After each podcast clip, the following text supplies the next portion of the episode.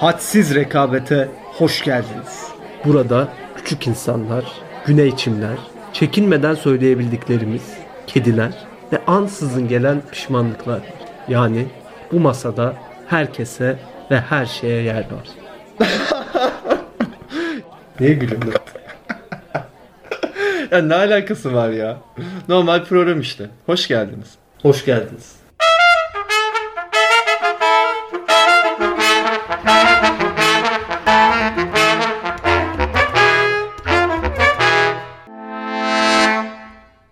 Hamitçim selamlar. Merhaba hocam.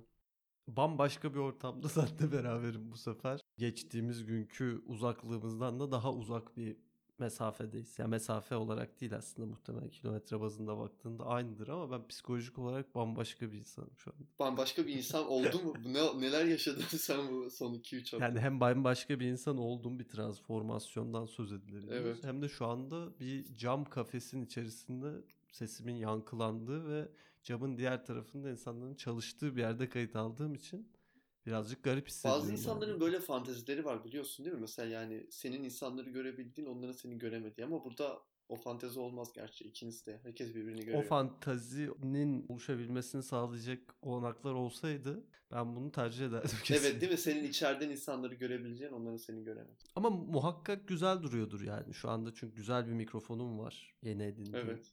Üniversitenin sana verdiği daha doğrusu ödünç verdiği. bir takım değerli olduğu her halinden belli olan ileri gelişmiş aygıtlar var yanımda. Ben de burada bilgisayarın mikrofonuyla sesimi gönderiyorum yani bu nasıl bir adalet midir bu yani? Evet burada bir rekabet söz konusuysa artık söz konusu olmaz. Hadsiz rekabette ibre senin tarafına çevrildi en azından mikrofon kalitesi konusunda. Doğru. Doğru. Ama sen bu kaliteyi yakalayabilecek kadar para kazanan bir Evet ben şu an e, para kazandığım için İstanbul'a gittiğimde böyle 2000 TL'lik bir mikrofonla ibreyi kendi tarafıma çevirmeye çalışacağım.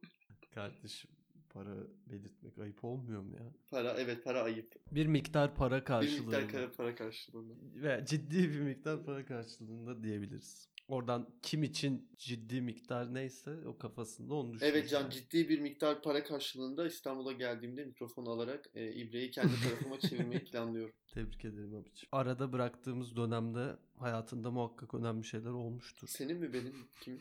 İkimizin de hayatında olmuştur. Ciddi bir zamandır kayıt alma imkanımız olmadı. Evet olmadı. Ama benim aklımda bu dönüşüm sürecinin içerisinde daha önceden konuştuğumuz bir şey tekrardan zihnime geri çaldı. Beni özlediğin için mi çalındı bu şeyler? Olabilir. olabilir. Sebeplerine çok fazla inmek istemiyorum. E, neymiş onlar o? Neymiş kalsın. Bu daha önce benim düşündüğüm bir şeydi. Seninle de paylaşmıştım. Muhakkak. Arkadaş evliliği diye bir kavram. Arkadaş evliliği evet ben bunu çok severim. Yani bu konuyu Arkadaş konuş, evliliği. konuşabiliriz. Evet güzel konu. Hamit'cim evliliği düşün. Evliliğin içerisindeki bütün bağlayıcılıkları düşün.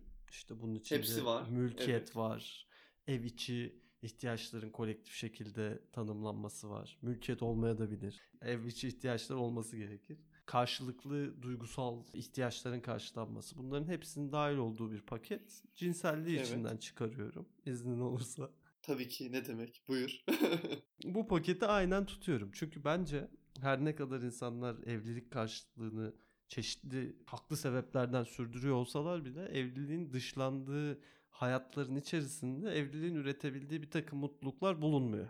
Onun için ben de şunu düşünüyorum. Hani hem arkadaşlığın sağladığı faydalar hem de bu evliliğin kurumsal olarak sana sağladığı bir güvenli alanı biz birleştirebilir miyiz? Sonra da diyorum ki niye Bu birleştiremeyiz? arada ben bunun arkasındayım ya ben bunu daha önce konuştuğumuzda da söyledim. Bence mesela senle ben evlensek bu bağlamda gayet mutlu bir çift oluruz. Doğru konuşuyorsun. Çünkü mesela aslında burada bir takım çok pratik ihtiyaçlara da cevap veriliyor. Bugün mesela iki kişi bir ev almaya çalıştığında işte bir kredi çektiğinde pahalı, pahalı tabii ki. senin şu andaki kendi maaşınla bir ev sahibi olma süreci içerisine girdiğinde yani bu çok daha uzun sürecek veya çok daha maliyetli olacak bir şeyken bunu iki Evet. kişi üç kişi gerçekleştiğinde çok daha olası olabiliyor. Evet. Ve aynı şekilde maliyetler de bunun içine bölünüyor. Daha da güzeli evliliğin kendisi biraz cinselliğin de içinde olduğu sebeplerden ötürü çok daha kırılgan bir şeyken ben arkadaşlıkların öyle kolay kolay Doğru düzgün Yok. arkadaşlıkların kırılabildiğini görmedim. Ben de görmedim. Mesela biz seninle 8-9 senedir tanışıyoruz değil mi? Bizim hiçbir majör anlaş bizim minor anlaşmazlığımız da çok olmadı ama Oluyor bazı noktalarda ama. ama hiçbir şekilde bir, bu tip bir evliliği yıkabilecek seviyede değil yani kesinlikle değil. bence sarsabilecek seviyede bile değil yani. Sarsabilecek seviyede bile değil doğru. Ama işte bu demek ki biz doğru bir arkadaşlık kurum. Yani şunu hatırlayalım. Aslında bu karantina süreçleri aynı zamanda ilişkilerin arkadaşlık olabilir, işte evlilik olabilir.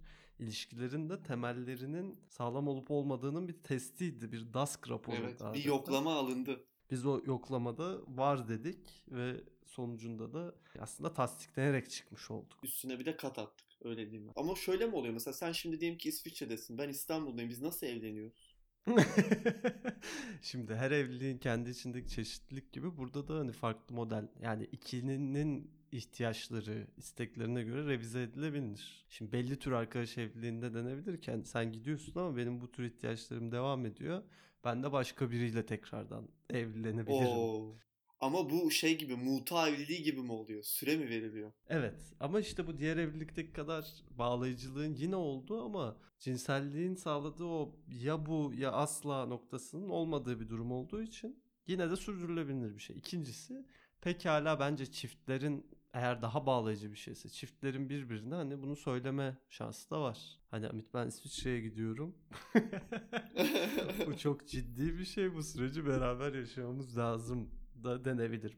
Ben de seninle beraber taşınıyorum mesela İsviçre'ye. Tabii yani bu da pekala. Ama orada mesela şey de yani bütün mesela para ortak giriyor, parayı ortak harcıyoruz değil mi? Bunların hepsi var. Tabii tabii tabii. tabii. Miras kalıyor mesela sana diye ben de mirastayım.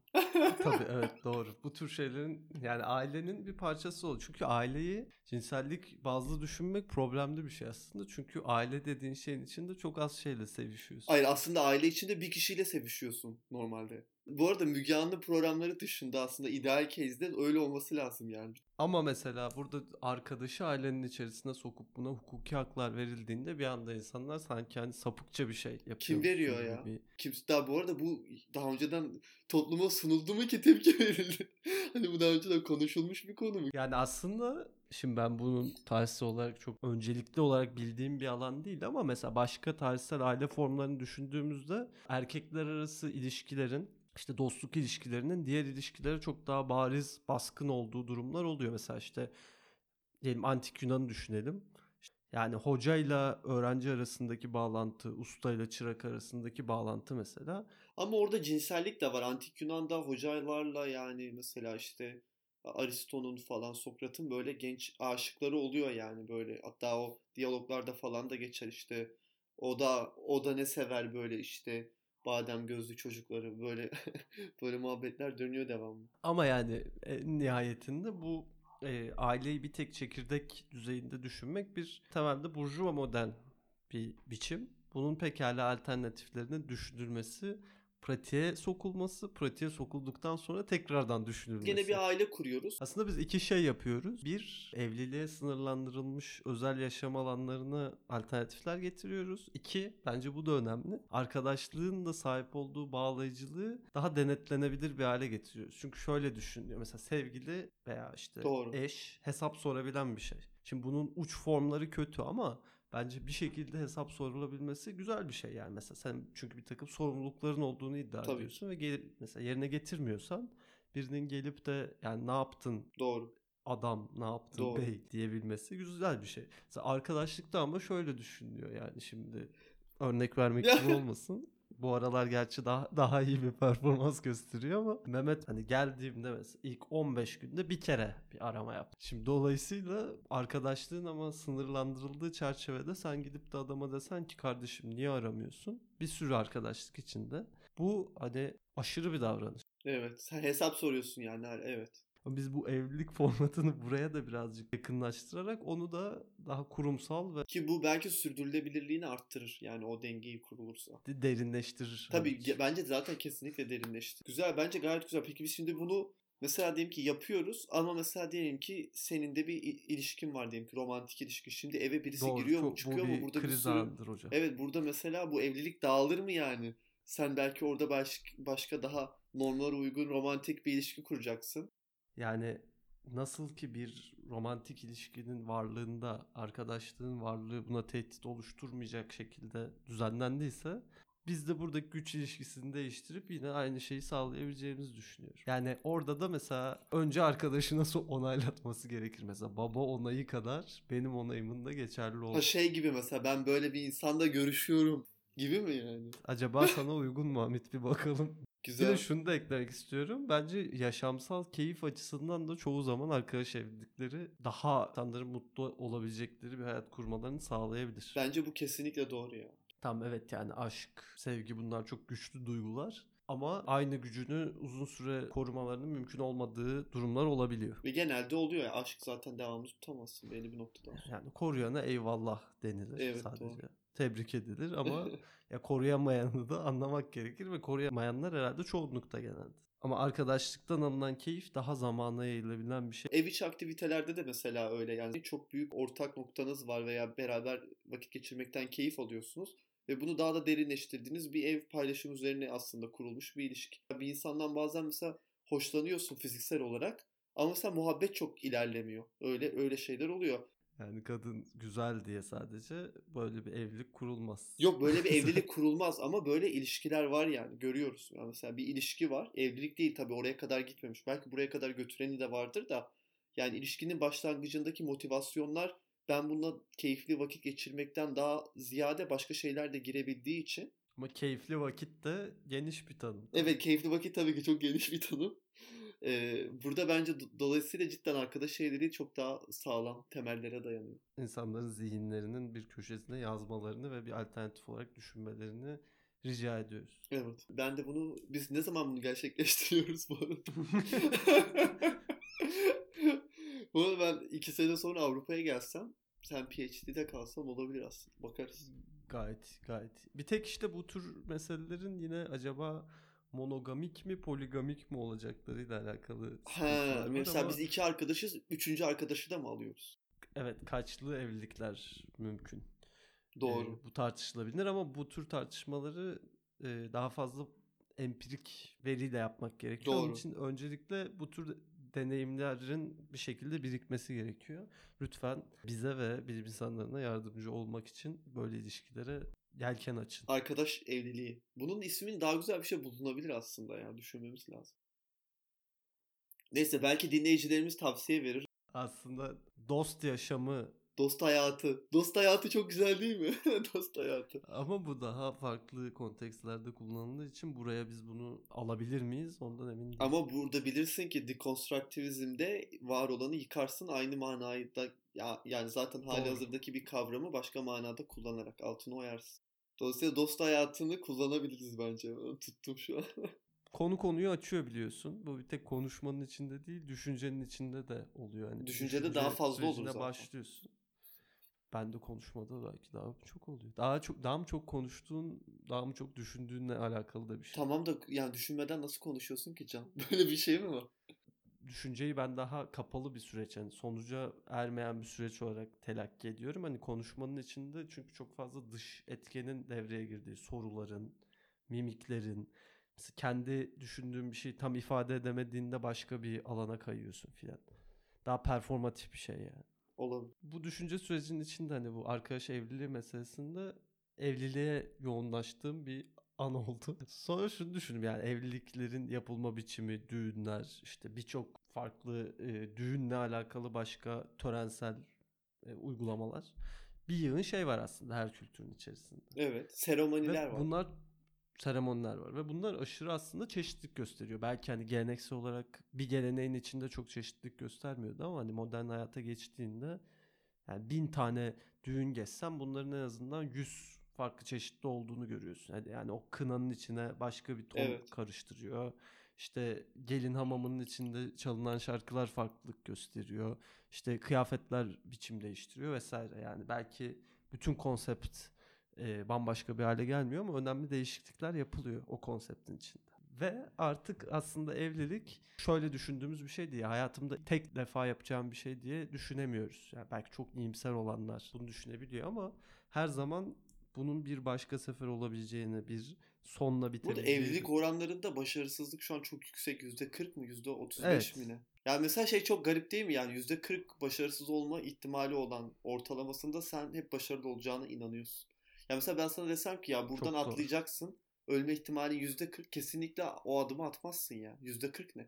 %5'te bile atmazsın. Kumarbazlarda falan bayağı bu şey yüksekmiş. Yani %50 bile olsa e, aşağı yukarı hani %80-90 kesinlikle kazanacağına inanıyor. Kumarbazlarda mı? Ben de eski Ama bu bir takıntılı bir kumarbaz yani Hani normal bir kumarbaz değil yani. Kumarı oynuyor aynı zamanda da bağımlı gibi bir şey. Ben kumarbazı zaten hani O manada kullanıyorsun. birazcık psikolojik olarak kullanıyorum. Yani kumar oynama alışkanlığı Evet. olan kişi profesyonel de olabilir yani. Ona kumarbaz denmez. Ama işte dediğim gibi yani cidden evliliklerde optimist davranıyorsun demek yani. Bu benim ilk evliliğim ve tek evliliğim derken. Evet ama birçok insanın da tek evli olmuyor. Buna rağmen böyle bir çeşitlilik var.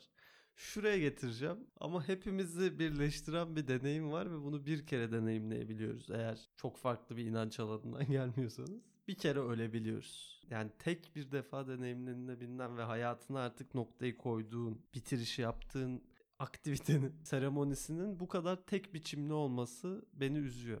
Yani tek biçim derken farklı kültürlerde farklı oluyor ama bir kültürün içinde bir tür cenaze var. Nedense o konuda herkes şey he- hemfikir kalmış. Bence işte bu birazcık aslında birçok insan daha iyi cenazeler olma ihtimaline inanıyor ama kültürün bu kadar baskın olduğu bir noktada bunu gerçekleştiremiyorlar. Olabilir de burada olabilir ama burada şöyle bir şey yok. Mesela cenaze ölen kişiyle mi alakalı kalan kalanlarla mı alakalı? Ben hep cenazeye baktığım zaman sanki ölen kişiyle hiç alakası yok yani tamamen. Adam ölmüş zaten yani hiçbir etkisi. Adam şu an bilinci burada değil. Kendisi burada değil. Hiçbir şey deneyimleyemiyor. Artısı eksisi yok. O insanla alakalı değil sanki ya. Yani o insanın cenazesi bile o insanla alakalı değilmiş gibi geliyor bana. Şimdi şöyle iki şey var. Birincisi ölmeden önce bir cenazeni istediğin gibi planlıyor olmanın büyük bir keyfi vardır. En azından bir rahatlatıcı bir etkisi vardır. Keyfi olamayabilir belki o anın ağırlığı içerisinde ama hani son imzanı atacaksın artık o törenin içerisinde. Sen mesela daha fazla kendinin hatırlanmasını istiyorsan öyle bir cenaze hazırlarsın. Daha ağır, acıklı ama mesela senin gibi düşünen birisi ise daha çok diğer insanlarla alakalı o mesela belki bir festival tadında bir şey kurgular. İşte ne bileyim playlistini ayarlayabilirsin. Bu da bir sektör haline Bu arada yani ama- bu her şey bir sektör haline gelebilir yani. Şu an bu eğer duyulursa böyle bir kapitalizm buna saçma sapan bir şey bulup millet bundan para kazanır yani. Gerçi Amerikan cenazelerinde falan biraz daha çeşitlilik oluyor tabii bu Hollywood ölümleri falan üstünden izlediğim benim daha renkli cenazeler var. Bu bir tane gif var biliyorsun değil mi? Bir şey dans eden, tabutla dans eden zenciler. O, o gerçek ama. Gerçek evet mesela bu garip bir yani bizim şu an kültürümüze bayağı uzak bir cenaze metodu. Ama işte evet doğru. O, o kültürün cenaze biçimi. Ben bu kültürler arası temas kurulsun birincisi. Anladım ben senin ne demek istediğini anladım. Sen customizable yani kendimize Aynen. uygun Evet, evet. cenazeler evet. tasarlayalım. Aynen bunu istiyorum. Mesela sen ne yapacaksın? Kohen falan mı dinleteceksin cenazende? Ne Ben- yapıyorsun? benim- Can? Şimdi Cohen'in en son albümünde ölüm teması çok belirgin bir temaydı. Ama adam Ben ölecek aslında neredeyse. yani. Bu, bu fikre biraz da bu albüm üzerinden ulaştım. Çünkü Ha. hani mesela en son gitmeden önce insanlara istediğim bir seçkiyi dinletebilmek. işte ben de böyle zevkli bir insandım gibi bir şey. yani. Dünyadan bir Can Bey geçti. Can Bey. Can üzülürüz Peki, ya öyle şey. Şuna ne diyorsun? Mesela daha vasiyetname ve düşüncesinin içerisinde de customize edersek daha içine e, bugün konulmayacak veya konulabileceği düşünülmeyen şeyler eklersek de keyifli olmaz mı hayat? Yani ölmeden son şakasını yaptı falan gibi şeyler var. Evet. Doğru. Mesela gerçekten son şakanı yapabildiğin ve insanların da bu şakayı tükebilmek durumunda kalmaları. Ne dersin? Ha. Yani mesela bir iste arzuda bulunuyorsun onu yapacaklar gibi değil mi? Evet yani mesela ben Hamit Bey'in hayatım boyunca işte şu hanımefendiyle bir evlilik bağı içerisinde çocuk sahibi olmalarını istemiştim. Arkadaşlığımız içerisinde bu isteğimi kendisine ifade edemedim sağlık sorunlarım sebebiyle. Şu anda hani bu benim bir dileğim. Ha, bir- ben de evleneceğim. Sen diyeceğim ki bu O da canın artık artık. hani bir ölünün sözü veya işte o yaşarken bıraktığı ize göre kabul edebilirsin, etmeyebilirsin. Ama vasiyetnamenin de sadece mülki konularla sınırlı olması hayatı karartan bir olay. Daha biz bunu rengarenk yaşayabiliriz. Ama burada bu, bu arada bu iyi ama burada bunun oturması için de şöyle bir algının da yerleşmesi lazım. Yani mesela sen çok absürt bir şey desen bile toplumda şöyle bir baskı olması lazım ya da senin üzerinde. Ya ama bu da adamın vasiyetteki sözü yani bunu da Evet, yapmamız evet, lazım. evet, evet.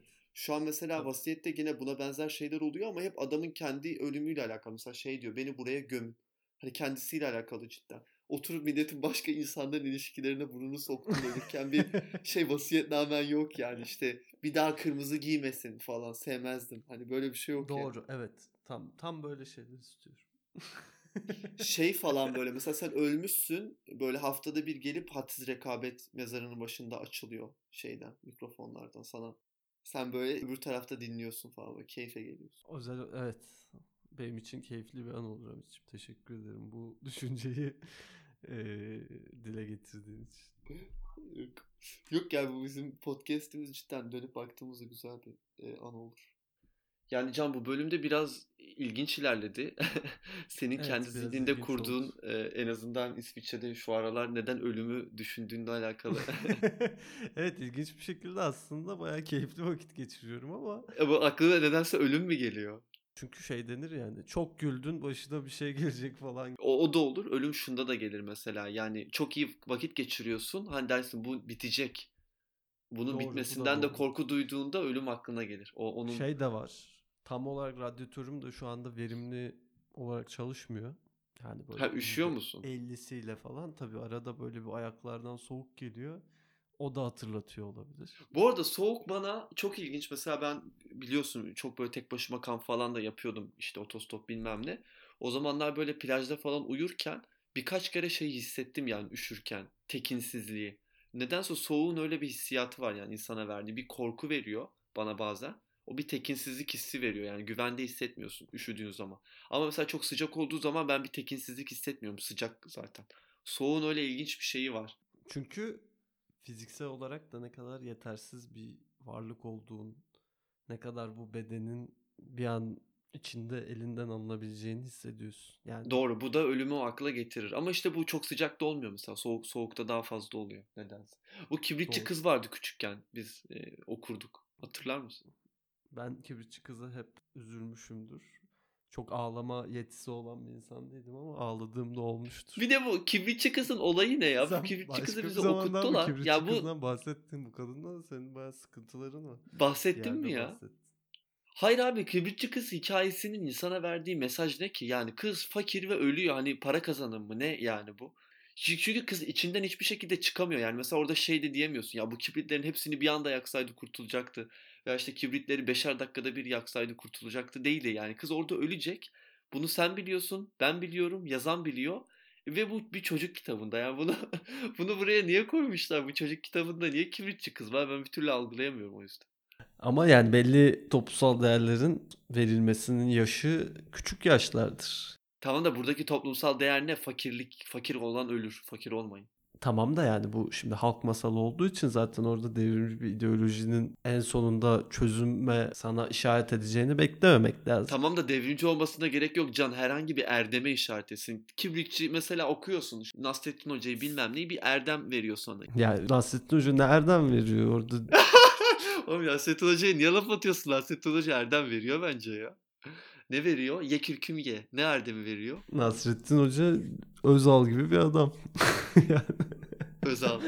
Özal niye şişko diye mi ikisi de? yani şişko böyle işte Tombul yana. köşeyi dönme kültürü veren, insanları kandıran böyle bir figür. Evet ya bu böyle bir niye süper kahraman var ya? Halk kahramanı devamlı dalavere yapan ona buna madik atan bir insan yani. Ama yani Türklüğün zaten birazcık kendini övdüğü alanlardan bir tanesi de bu. ya. Bu arada bu övündüğümüz bir şey de mesela ben bunu Macaristan'da yaşamıştım yüksek lisansı yaparken işte Budapeşte de. Böyle devamlı mesela bir olay oluyor. Üniversitede oluyor, dışarıda bir olay oluyor. Ben oradaki bir boşluğu görüyorum. Yani diyorum ki ya bunu insanlar suistimal etmiyorlar mı? Ama aklıma da geliyor suistimal etmek de aklıma geliyor. Ve aklıma geldiği için suistimal etme yolları bunu insanlara dile getiriyorum. Diyorum ki bakın burada böyle bir sistem var ama bu suistimal edilebilir. Adamların bana her zaman verdiği tepki şu. Ya bu benim daha önce hiç aklıma gelmemişti. Yani ama ben onu görünce direkt aklıma geliyor. Bu nedense içinde demek ki bulunduğumuz toplum Nasrettin Hoca masalları mı artık neyse bir şekilde sana o sistemin içindeki gedikleri bulmanın yolunu öğretmiş bir metot olarak. Ne zaman böyle bir şeyle karşılaşsam ben bundan nasıl işte dalavere yaparım, kendime de bir şeyler çıkartırım otomatik kafa çalışmaya başlıyor. Çok ilginç. Valla ben böyle bir durumda kaldığımda hep kibritçi kız gibi çaresiz bir şekilde son kibritimin de bitmesini bekliyorum abicim. Yani sen bir- hiçbir şekilde o sistemin açıklarına şey yapmıyor musun? Manipüle etmeye çalışmıyor musun? Ben sistemin temel açıklarını görüyorum. Küçük açıklarından faydalanma gibi bir çabam yok. Tamam da kardeşim sistemi yıkamıyorsan en azından bir şekilde manipüle etmeye çalışırsın ya. Ki senin şu an herhangi bir sistemi şu an yıkabileceğinle alakalı çok elimizde done yok yani maalesef canım. Nasıl bir done istiyorsun? Küçük çaplı bir adada falan mı bir sistem inşasına gideyim? Hayır yani? abi şu an İsviçre'desin ki İsviçre kara parayla ke- kendi refahını sağlayan bir Kara ülke. parayla öğrenci. Kara parayla öğrenci Kara parayla bana burs veren bir ülke. Aynen ki böyle yapıyorlar. Senin bundan bir şu an gocunduğunu düşün. Şu an sana kara parayla alınmış mikrofona dudaklarını uzatarak podcast çekiyoruz. Doğru. Bir de o mikrofondan onları eleştirdiğim için de ayrıca hani dinleyenlerde de mesela ne kadar demokratik bir ülke kendisine gelen eleştirilere alan açıyor. Bunun işte araçlarını sağlıyor diye bile düşündürtebilir bu program. Böyle de kendi amaçlarımıza karşı Sana Hipokrat diyorlar mı? Bence bizim dinleyicimizin bana karşı böyle düşünceleri oluşmaz. Kendimizi 17. bölüm mü oldu, 18 mi oldu? Yeteri kadar tanıtabildiğimizi düşünüyorum. Onun için izleyicilerimizden böyle kötü düşüncelerle değil, bu bölümün içerisinde onlara verdiğimiz yaratıcı, kültürü ve gelenekleri ileri götüren düşüncelerle zihinlerini doldurmalarını rica ediyorum. İleri götüren düşünce arkadaş evliliği. Değil mi? Arkadaşlar diyorum. şey, arkadaş evliliği cenazelerin customizable edilebilmesi. Bu arada 18 bölüm çekmişiz, 19 mu? Ha 19. bölüm mü bu? İyi gayet iyi. 19. bölüm gayet iyi. 20'de bir özel bir şey yapacak mıyız bu arada? Böyle bir aklında bir şey var mı? 20. bölüm bilmem ne çekilişi. Bir event tarzı bir şey mi yapsak? Ben buradan da sorayım insanlara bölümü dinleyenler bize yazabilirler. Ee, Bir bakalım. Cesur bir çağrı oldu ama. Ces- cesur bir çağrı değil. Ben cidden şu an aklıma da direkt bir şey gelmiyor. Hani belki 20. bölüm bilmem ne tarzı bir şey olabilir. Seni Evet. çok severim ama sen de canlı yayına çıkmak birazcık Hayır ben canlı yayın bu arada riskli bu bir şey olabilir. yapamayız bence canlı yayın. Bu arada ben o kadar şey yapmıyorum ya. Dikkat ediyorum. Podcast bölümü çekerken üslubuma. O zaman size selamlarımı iletiyorum. Bana mı? Senin şahsında bütün Türkiye halklarına selamlarımı Türkiye iletiyorum. halklarına. Orada Türkiye halkı değil bizi birçok insan dinliyor dışarıda. Ee, o zaman Can bu ilginç ve devrimsel bölümü senin tabirinle noktalayalım. Görüşmek üzere. Görüşürüz.